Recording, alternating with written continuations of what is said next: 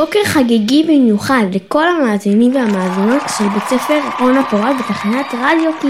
אל תלכו לשום מקום, יישארו כאן לחגוג איתנו תלמידי בית ספר אורנה פורט באולפן המקושט והיפה לכבוד התאריך ה' באייר, יום העצמאות ה-75 של ארץ ישראל.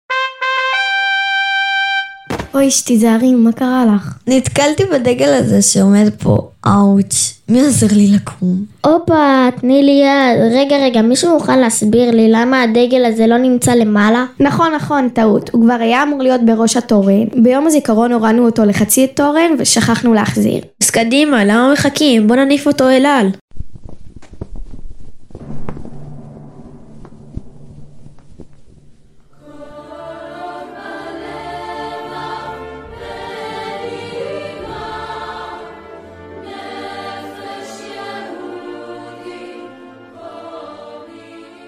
אוקיי חברים, זהו זה, המשימה הושלמה, אפשר לחזור למקומות.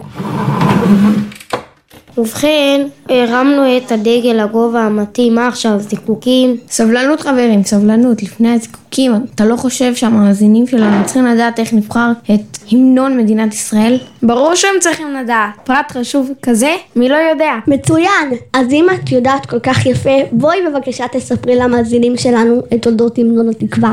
אמ... אמ... אמ...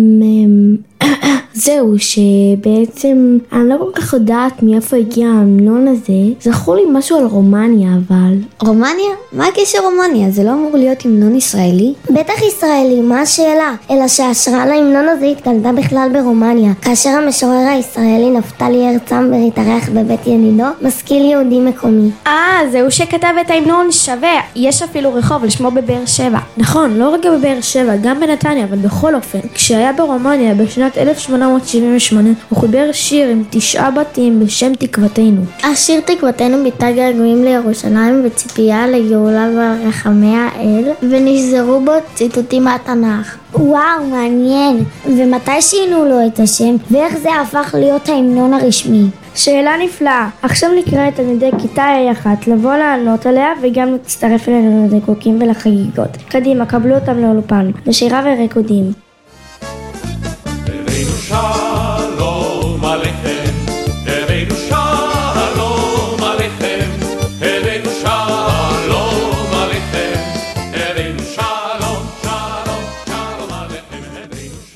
שלום. לכולם ויום שמח במיוחד, אנחנו שדרני כיתה A1, אתם איתנו? ברור שהם איתנו, הם סקרנים לשמוע על המשך גלגולו של ההמנון. אז איפה עצרנו? אוקיי, בשנת 1886 עלה לארץ מסרביה חקלאי צעיר בשם שמואל כהן. הוא היה זמר חובב והתקין לשני הבתים הראשונים של השיר תקוותנו, לחן של פזמון עממי אומני פופולרי. זה מצחיק, אז הלחן של ההמנון שלנו בכלל לא ישראלי במקור, אז בעצם אנשים אהבו את השיר? מאוד, ובהתחלה שרו אותו בכינוסי איכרים ופועלים, והשיר סחף איתו את אנשי היישוב והתפשט גם לתפוצות. עד שהתאריך 14 במאי 1948 צלילי התקווה פתחו וחתמו את טקס הכרזת העצמאות. השיר התקבל כהמנון המדינה והוא מושמע בטקסים ממלכתיים, ציבוריים ואחרים. וגם בטקס היפה שנערוך היום כאן באולפני קול, אורנה פורט בתחנת רדיו Kids, מאזינים אהובים, שדרנים יקרים, מוכנים? כן!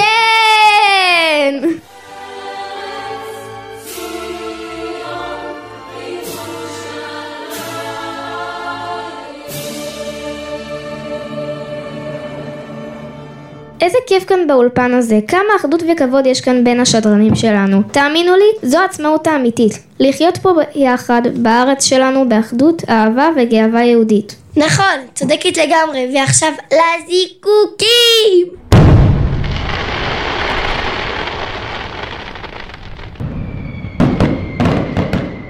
תודה שהייתם איתנו מאזינים יקרים. היי, בדיוק עוד מעט מתחיל שידור חי של חידון התנ"ך העולמי כאן בארץ הקטנה והיפה שלנו. היי, אני רצה לצפות, המשך יום חגיגי לכולם.